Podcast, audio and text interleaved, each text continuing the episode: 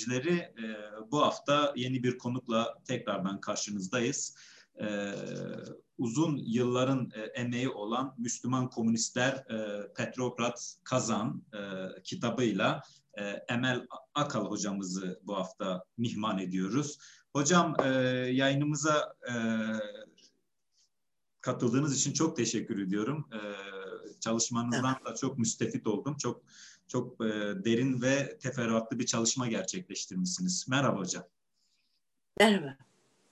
Hocam isterseniz e, ben hemen sorularımı sorarak başlayayım. E, siz zaten kitabınızın e, girişinde ve teşekkür faslında aslında bu kitabı kaleme alma hikayenizi ayrıntısıyla dile getiriyorsunuz ve e, bir yanıyla da aslında e, karşılaştığınız zorluklar e, ve bu akademik zehirlenmişlik hikayesini ne yönelik bir e, vurgunuz söz konusu. Bundan ötürü her şeyi anlatamama, e, bunun izin vermemesinden bir e, dert yanıyorsunuz. Bunu ziyadesiyle önemli gördüğümü ifade etmek isterim. Şimdi e, aslında kitabınız büyük bir boşluğu doldurmaya e, aday bir çalışma hocam. Ben ilk soru olarak şunu e, öğrenmek isterim. E, Lenin, Stalin, e, Trotsky, Buhari'nin çalışmalarında Müslümanların adını e, neden e, göremiyoruz hocam? Evet, merhaba. Beni konuk ettiğiniz için teşekkür ediyorum. Ee, gerçekten kitapta da yazdığım gibi e, iki buçuk sene artı bir ömür dedim. Çünkü ben e, Sovyetler Birliği, e, Lenin, e, Stalin, Buharin, bu bütün bunları işte e, 14-15 yaşından itibaren okumaya başlamış. Dolayısıyla Sovyet devrimi, Komintern, Sovyet tarihi, e, işte liderlerinin e, faaliyetleri üzerine zaten e, çok uzun yıllar e, bir birikime sahip bir insandım. Bütün bu birikimin üzerine e, spesifik bir konuda çalışmaya başladığınız zaman bu geriye atmış olduğunuz bilgilerin size çok büyük katkısı oluyor tabii. zaten siz benden daha iyi biliyorsunuz. Bizim yaptığımız iş adeta bir boz yapın bir puzzle'ın bir parçasını buluyoruz Trakya'ya koyuyoruz, bir parçasını buluyoruz Ankara'ya koyuyoruz, bir parçasını buluyoruz Antep'e koyuyoruz. Sonra da bakıyoruz, aa burası Türkiye diyoruz. Böyle bir şey yazmak, böyle bir şey yapmak hakikaten çok zor. Onun için siz eğer daha farklı puzzle parçalarında bir yerlere koyduysanız aradığınız hattı, e, yazmak istediğiniz hattı daha kolayca belirleyebiliyorsunuz. E, onun için bir ömür artı iki buçuk sene dedim. E, bunu bunu önemsiyorum. E, çünkü e, bir fizik mühendisi olsaydım da iki buçuk sene çalışmış olsaydım bu sonucu elde edemezdim. Onu demek istiyorum yani konuyla ilgili zaten bir ömür var arkada. Evet, mücadele ee, hayatınızın da bunda büyük bir etkisi olmuş hocam. Tabii benim de bir e, Türkiye Komünist Partisi üyesi olmam, illegal çalışmalara vakıf olmam, bir komünistin ne duyduğunu, ne düşündüğünü, ne hissettiğini, ne arzu ettiğini, nasıl bir çalışma içinde olduğunu, konspirasyonu, e, alt üst ilişkilerini, merkez e, demo, demokratik merkeziyetçiliği vesaireyi fiiliyatta bildiğim için tabii bambaşka bir şey oluyor. Şimdi e, başka bir yere geldik ama bunu söylemeden geçemeyeceğim. Eğer aktif politikadan gelmiyorsanız, siyasetle uğraşmadıysanız, gece konularda oturup fabrikalarda işçilik yapmadıysanız, bir grevde yumruğunuzu yıkıp e, sıkıp slogan atmadıysanız, 1 Mayıs 1977'ye katılmadıysanız, yani komünist değilseniz bir gün masanın başında oturup da Komünist Partisi üzerine kitap yazmaya kalkarsanız ki çok var zorlanırsınız. Evet. En kibar şekilde zorlanırsınız diyeyim. Yani çünkü bu, bu, bu başka bir şey. Yani tamam bir soğukkanlılık gerekiyor, bir mesafe gerekiyor ama e, bir de içinden geliyorsanız bu tıpkı İslam çalışmalarında da e, Alevilik çalışmalarında da Kürtler üzerine yazmakta da Yalnız bu söylediklerim çok yanlış bir yere götürebilir. Yani kadın olmadan kadın haklarını savunamazsınız veya eğer e, siyah değilseniz ırkçılığa karşı çıkamazsınız veya anlayamazsınız gibi bir yere doğru savurursa e, kesinlikle ampirisist bir şey e, söylemiyorum. Ama e, psikolojik yatkınlık, ruhunu bilmek e, yazara bir kolaylık sağlıyor diyorum. Sadece bu kadar mütevazen, daha bir kolaylık. Evet. Şimdi ben e, madem kendi tarihimden başladım. Kitaba oradan gelelim. Bakın ben 1900 yani 15 yaşımdan itibaren 1902'de yazılmış bir kitabı 1905 devrimini, 1917 devrimini, Şubat devrimini, Ekim devrimini tamamını okumuş bir insanken bu son işte 10 senedir kazanda olanlar üzerine çalışmaya başladığımda hakikaten şaşkınlık içinde kaldım. Aa Moskova ve Petrograd'ın dışında Rusya'da bir yerler varmış. Burada insanlar varmış, mücadele ediyorlarmış. Yani bu kadar abarttığım kadardır mesafe. Ve işte sizin biraz önce söylediğiniz Lenin'de, Stalin'de, efendim Buharin'de yok, Troçki'de yok dediğiniz şey bu. Yani Troçki herhalde e, en çok yazan insan. En çok yazmayı seven insan. Binlerce, on binlerce sayfa yapıtı var. Ama burada e, benim sözünü ettiğim şeyler yok mesela. Kazanın düşüşü ve kazanın nasıl geri alındığı var. Ama kazanda kazan kazan yani. Kazanda Molla Nur Vahidov yok. Ee, Müslüman yani Milli Şura'nın veya Müslüman Sosyalist Komite yok. Kazan diye bir kent var. Yani Sovyet tarihi yazılırken eserlerin aldığı rol, anar, anarşistlerin aldığı rol, Bolşeviklerin aldığı rol, e, neredeyse günü gününe en ince detayına kadar e, hemen hemen bütün dünya tarafından bilinirken e, Müslümanların ne yaptığına ilişkin gerçekten detay, e, teferruat, kenarda kalmış bir şey. Kim çalışıyor bunu? Tatarları çalışanlar çalışıyor. E Tatarları kim çalışıyor? Milliyetçi Tatarlar çalışıyor. O zaman sosyalist Tatarları değil, milliyetçi Tatarların Bolşeviklerle veya sosyalist devletle veya Sovyet e, Rusya ile olan mücadelesini yazıyor. Yani bir tür resmi Sovyet tarihi ile resmi Tatar tarihi bir teğet yapıyor, boşta kalan, dokunulmayan bir alan olarak kalıyor. Yani mesela benim kitapta sözünü ettiğim Molla Nur Vahidov'un e, iç savaşta Kazan'a gitmek için Moskova'da bekleyip uzun uzun bekleyip izin beklemesi ve ona Troçki'nin izin vermesi meselesi Troçki'nin ağzından veya Bolşevik Partisi tarihinin ağzından yazılmıyor. Yok böyle bir şey. Çeşitli belgeler bulup aa bak beklemiş, aa dördüne kadar yollanmamış falan diyoruz biz. Peki hocam. Onun için yani bu ifade ettiğiniz gibi e, evet bu e, Sovyetler Birliği Birliği'nin e, devrimci önderlerince bu Müslüman komünistler onların yazınında görmezden geliniyor ya da dile getirilmemişler. Ama bu aynı durum aslında e, sonrasındaki tarihçiler tarafından da özellikle Rusya'daki Müslüman azınlıklar onların da pek ilgisini çekmiyor ya da görmezden geliniyor. Ve biraz daha e, projektörü dar bir alana tutarak Türkiye'ye baktığımız zaman bu aslında Türkiye'deki solcuların da e, Rusya Müslümanlarıyla çok ilgilenmediklerini görüyoruz. Türk sosyalist tarihi içerisine baktığımız zaman, sol tarihi içerisine baktığımızda.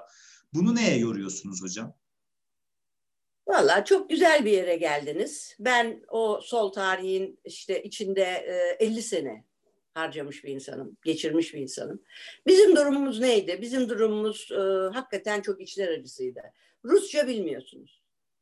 E, bütün dünya literatüründe zaten Sovyetler Birliği'nde yazılan hatta Lenin'in eserleri bile şeyden sonra çevriliyor. Yani 1945'ten sonra çevriliyor. İkinci Dünya Savaşı'ndan sonra çevriliyor. İngiltere'deki komünist e, kökenli olan kişiler iyi Rusça bilecek ve İngilizceye çevirecek. E, dünya İngilizce biliyor, İngilizceden Türkçe'ye çevirecek. E, İngilizceden Türkçe'ye hele hele sol eserlerin çevrilmeye başlanması ne zaman? 60'lı yılların sonu, 70'li yılların ortası. Yani bize 1917-18'deki bu tarih zaten 70'lerde geliyor. Şimdi 70'lerde siz Rusça bilmiyorsanız, İngilizceden çevrilmiş bir e, eserle mesela Benningsen ben kitabın başında e, Amerikan akademisyenlerinin CIA'nin işte Grand Corporation'ın e, Team B'nin e, Pipes'ın vesairenin tamamen Sovyetler Birliği'ni çökertmek için e, bir Tatar tarihi bir e, Sultan Galiyev üzerine onlarca onlarca onlarca kitap yazdığından söz ediyorum. Amaç e, Sovyetler Birliği'nde bir milliyetçi Müslüman dalga yaratarak çökertmek. Şimdi siz zaten böylesi bir amaçla yazılan kitaplar üzerinden Tatar tarihini okuyunca iyice şey oluyor. Ama bir başka çok önemli husus var. Tabii 1917-18'de orada yaşamış olan ve Türkiye'ye göç etmiş olan Tatar, Türkmen, Kırımlı, e, Bakülü, Azeri e, pek çok isim var Türkiye'de. Ama bunların hepsi milliyetçi bir pozisyon almış. Dolayısıyla bize Sovyetler Birliği'nde yaşananların sadece milliyetçi Tatar, bağımsız Tatar devleti kurmak istedik ama o kötü Bolşevikler bize izin vermedi biçiminde bir yansıması. Ve bu milliyetçi Tatarların bizler açısından yani biz derken Türk solu açısından çok kirli bir geçmişi var. Nasıl bir kirli geçmişi var? Almanya'ya göç etmeyle birlikte Hitler'in ordusunda yer alma. Hitler'in e, Sovyetler Birliği'ni çökertme operasyonu içinde bizatihi var olmak. Kızıl Ordu içinde Kızıl Ordu'dan e, teslim alınmış olan Müslüman unsurların yani Kızıl Ordu'daki Sovyet vatandaşı Müslüman unsurlar milyonlarcasıyla e, Almanlar tarafından esir alınca Kızıl Ordu'ya karşı organize edilerek savaşa yöneltilen yani Alman ordusunda Hitler'in faşist ordusunda savaşan bir ordu haline gelmek. Arka, mesela Zeki Veli Ditoga'nın doğrudan e, Alman faşistleriyle işbirliği yapması. Nihal Atsız'la kol kola girmesi. 1944-45'teki Türkçülük davasında e, birlikte gözaltına alınmaları. E şimdi bir solcu için solcu dediğiniz zaman internasyonalisttir solcu, milliyetçi değildir. Yani bütün dünyanın hangi dil, din, dil, ırk, cins, cinsiyet ne olursa olsun değil mi? Emekçilerin kardeşliğini savunurken e karşınızda bu kadar derin bir yani dört kuşak Türk kanı arayan nihalatsız ekibine ulaşırsanız siz ne yapıyorsunuz? Mesafe koyuyorsunuz tabii. Ama süreç içinde benim gibi 12 Eylül askeri darbesi 80'de yaşanmış, 91'de benim üzerimdeki gıyabi tevkifat kararı kalkmış. Onun üzerine ben akademik dünyaya dönmüşüm, işte sosyoloji okumuşum, siyaset bilimi okumuşum ama bir anda kendime bu yazdığım şeylerin ortasında bulmuşum. Ne kadar geç? Bir yanıyla ne kadar geç? Bir yanıyla biriktirdiklerim açısından bana elbette katkısı var. Şimdi bu, bu e, kürsüden şunu söyleyeceğim genç akademisyenler, tarihçiler, siyaset bilimciler Rusça öğrenin. Rusça özgün belgeleri okumadan hiçbir şey yazmak mümkün değil. Yani e, bugün benim kitapta, kitabın sonunu öyle bitiriyorum. Bu işin içinde yer alan e, Şerif Manatov'un yazdığı üç kitabı okumadan e, Mustafa Supi'nin yazdığı veya Mustafa Supi hakkında yazılan milliyetlerin e, işte şeyinde Rusça yayın organlarına Narkomnans'ın yayınladığı, Muskom'un yayınladığı yayın organlarını okumadan, Tatarca bilmeden, Başkurtça bilmeden bu tarih yazılamaz ki. Onun için uzak kalmamızın sebebi bilgi eksikliğimiz. Siyaset yapmak 24 saatten bir ömür derdik biz. 24 saatten bir ömür siyaset yapıyorsanız ancak ideolojik organa kalır bu tür akademik çalışmalar. Artık akademik çalışmaları Türkiye'de kesinlikle e, nasıl artık Farsça bilmeden değil mi? Kürtlük, Alevilik üzerine yazılamıyor, Kürtçe bilmeden yazılamıyor. Mutlaka Rusça, Tatarca, Farsça, Kürtçe bilmek gerekiyor bu coğrafyanın tarihini yazabilmek için. Emel Hocam, e, bu burada bir araya girip işte bazı isimler saydınız. Yusuf Akçura dediniz, Zeki Velidi Togan dediniz. Ee, bunlar çalışmanızda zaten teferruatıyla, ziyadesiyle dile getiriyorsunuz. Bu isimler üzerinde özellikle duruyorsunuz. Ee, şunu merak ediyorum. Acaba bu isimler ve e, bilhassa işte bu teşkilatı mahsusa üzerinden acaba e, şöyle bir soru sormak e, makul müdür? Osmanlı'nın Sovyet devrimini doğrudan ya da dolaylı olarak e, etkilemesi, meydana gelmesinde bir katkısının olduğunu düşünebilmek mümkün müdür hocam? Yaptığımız çalışmalar bağlamında. Şimdi biliyorsunuz sosyal bilimlerde e, dirli cümle kurmak, dirli cümle bitirmek son derece zordur. Yani evet demek çok zor. Ama verileri koyarız, verilerden bir yorum yaparız. Şimdi ben size şunu söyleyeyim. 1917 Şubat'ta Sovyetler Birliği'nde, Çarlık Rusyası'nda Çarlık yıkılmış. Bütün Sovyet ulusları, bütün çıkar grupları ayaklanmış. Ee, bunun içinde işçiler, köylüler en çok sayılır değil mi? İşçi sınıfı, köylülük, aydınlar, küçük burjuvazi ama milletler de ayaklanmış. Bunların içinde e, bütün bir Kazan'dan, Ufa'dan, Taşkent'ten değil mi? Aşağıda Kırım, Bahçeşehir, Bakü, Azerbaycan çok bir geniş bir coğrafyada. İşte 20 milyon denen, 24 milyon denen ama herhalde 17-18 milyon olan büyük bir nüfustan söz ediyoruz. Şimdi bu nüfus eğer e, Şubat devrimiyle yıkılan Çarlık Rusyası'ndan sonra Ekim devrimiyle birlikte kurulan yeni bir e, sistem arayışı içinde olan Bolşeviklerle, eserlerle birlikte bağımsız üstelik federatif bir cumhuriyet biçiminde kurulacak olan e, bir cumhuriyeti kurmak için işbirliği yapsaydı ne olurdu? Yoksa ta başından itibaren yani 1914 e, Birinci Dünya Savaşı başladığından itibaren ama 1917 Şubat'tan itibaren gerek Kafkaslardan itibaren gerek Stockholm, Petrograd, Moskova üzerinden e, Tatar liderlerine yani Tatar liderliği derken şunu kastediyorum. 1905'ten bu yana Müslüman e, coğrafyasının liderleri bunlar. Son derece önemli isimler. Bütün bunlarla teşkilatı mahsusa ki Umur Şarkiye Dairesi olarak biliyoruz. Yusuf Akçura bağlantı kurduğu anda Osmanlı ordusu Kafkaslarda Bakü'den Dağıstan'a doğru yürürken siz Hazar'ın karşı kıyısında Taşkent'teki bir Müslüman, milliyetçi Müslüman olarak ne diyorsunuz?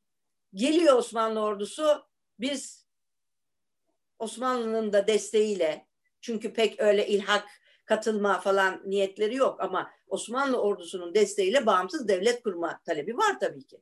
Şimdi siz Kazan'da aynı şekilde sizin oraya kadar gelmiş olan Yusuf Akçura'yla, şimdi Yusuf Akçura o kadar önemli bir aktör ki hem Kazanlı hem İstanbullu hem Parisli. Yani çok tanımayı istediğim siyasi aktörlerden birisi. Derya Deniz bir adam herhalde. İnanılmaz yetenekli, inanılmaz zeki, inanılmaz birikimli bir adam. Şimdi böyle bir adam Osmanlı e, devletinin bütün desteğini getiriyor size. O zaman siz ne yapıyorsunuz? Moskova'daki Bolşevik hükümetine sen kim oluyorsun diyorsun. Bolşevik hükümeti diyor ki arkadaş bak ben Muskom diye bir şey kuruyorum. Gel başına geç. Hayır diyorsunuz. Milli Şura Bolşeviklerin Ahmet Salikov'un Muskom'un başına geçme teklifini pardon Mansurov'un reddeder. Görüşmeyi, cevap vermeyi reddeder. Cevap vermeyi.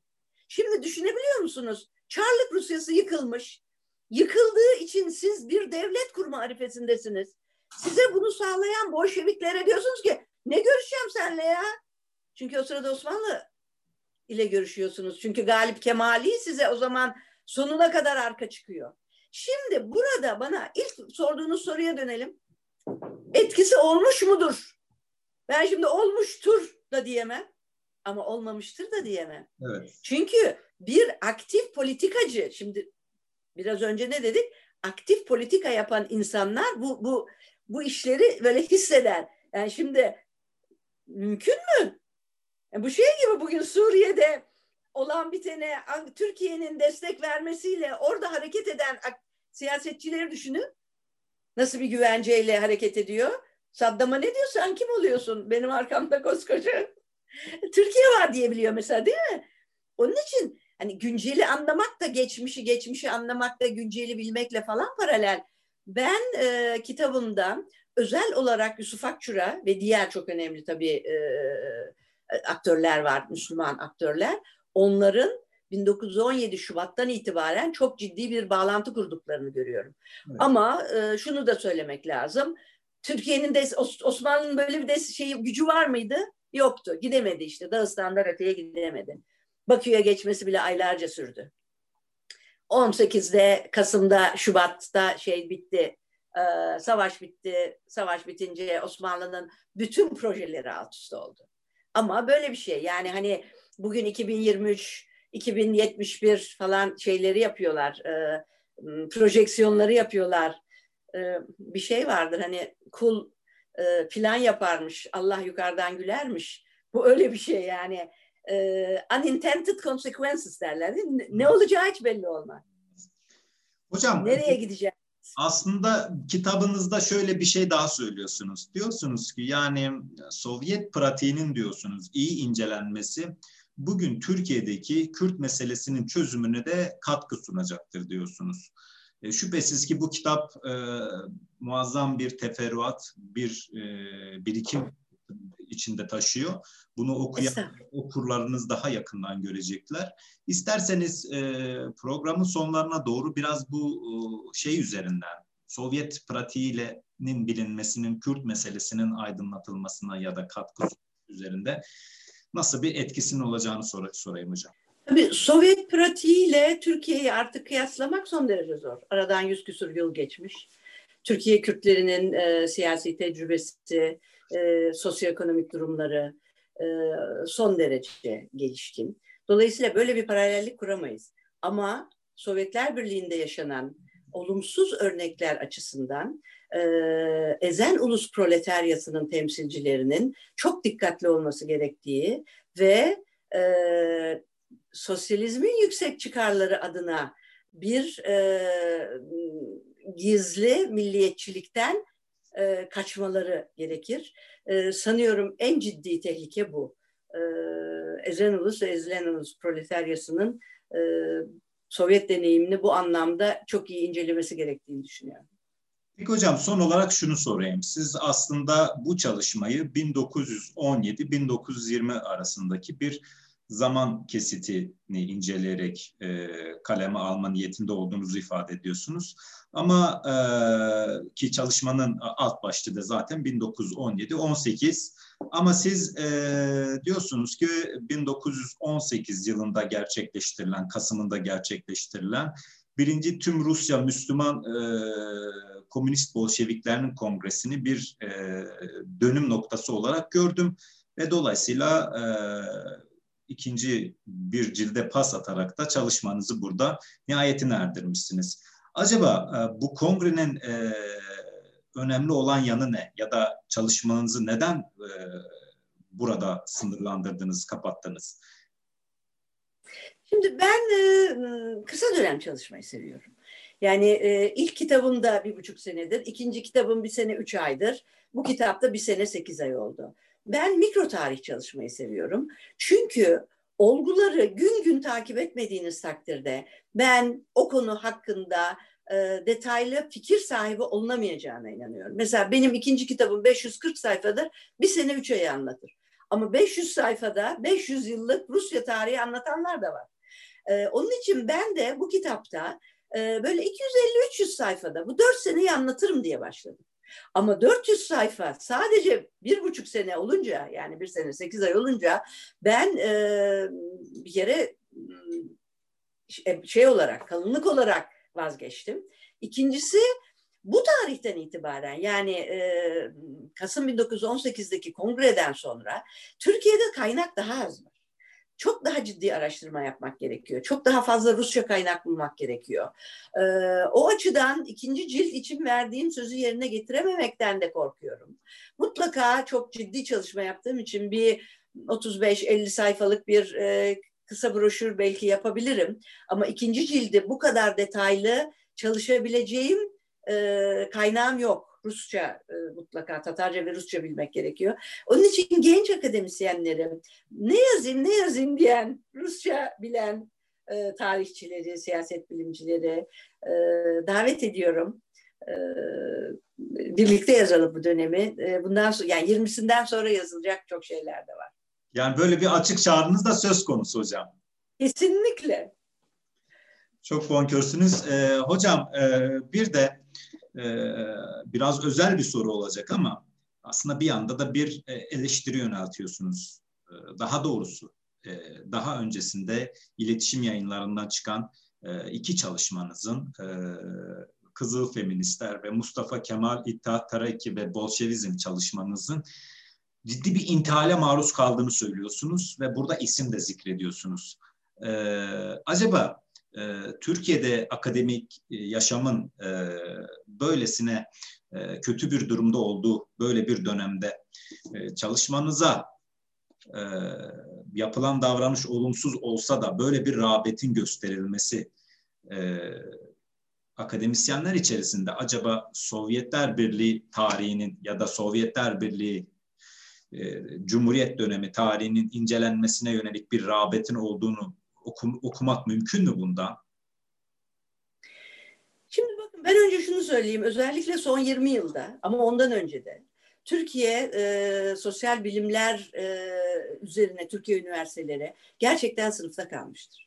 Bakın benim hocalık yaptığım dönemde bana master doktora tezi yazacağım diyen öğrencilerime önce şunu söylüyordum. Bu konu hakkında YÖK'te kaç tane üniversitede kaç tane tez yazılmış? Git bul gel.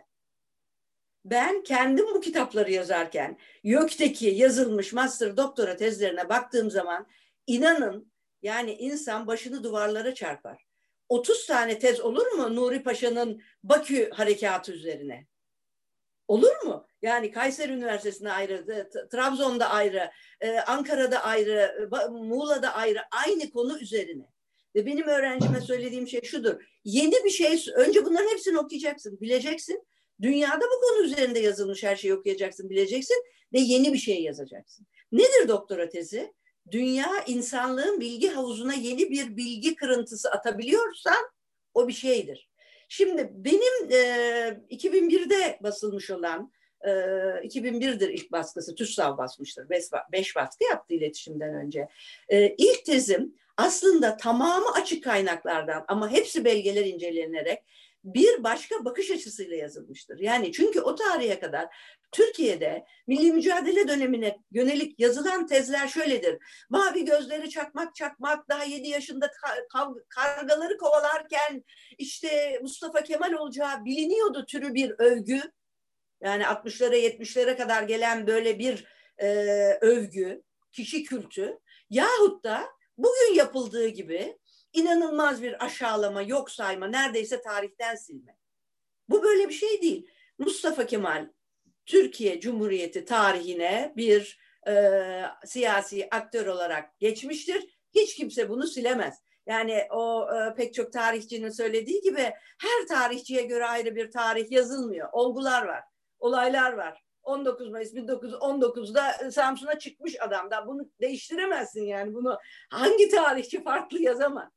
Ama burada benim kitabımın intihale e, yol açmasındaki e, önemli nedenlerden biri budur herhalde. Bir yanıyla asla bir aşağılama, küçümseme olmadan olgulara başka türlü bakmak. Yani evet, evet Mustafa Kemal'in teşkilatı mahsusayla ilişkisi vardı diyebildim ben. Ama dedim arkasından. Yani onun için bu tür intihaller oldu. Vaktimizi de e, herhalde aşmamak durumundayız. Evet. E, onun için bu son kitabımda önce kaynak bile göstermek istemedim. Çünkü mecburlar e, intihal yapacakları zaman. Ama e, e, bilim bir, e, bakın son cümlem şu olsun. Merak ediyorsanız deliler gibi heyecanla yazarsınız. Bütün gençlere merak ettikleri şeyleri takip etmeyi öneriyorum ben de. Teşekkür ediyoruz hocam. Çok sağ olun. Ee, çok dolu bir söyleşi oldu. Ee, bu vesileyle e, bizi takip eden Kebikeç izleyicilerinin de en kısa sürede kitabınızı okumayanlar için söylüyorum. Müslüman Komünistler kitabınıza erişerek e, bu hususta e, detaylı bir bilgiye ulaşacaklarını ümit, ümit ediyorum. E, hocam programımıza katıldığınız için çok teşekkür eder. İyi günler dilerim. Ben de beni çağırdığınız için teşekkür ediyorum. Hoşçakalın. Sağ olun.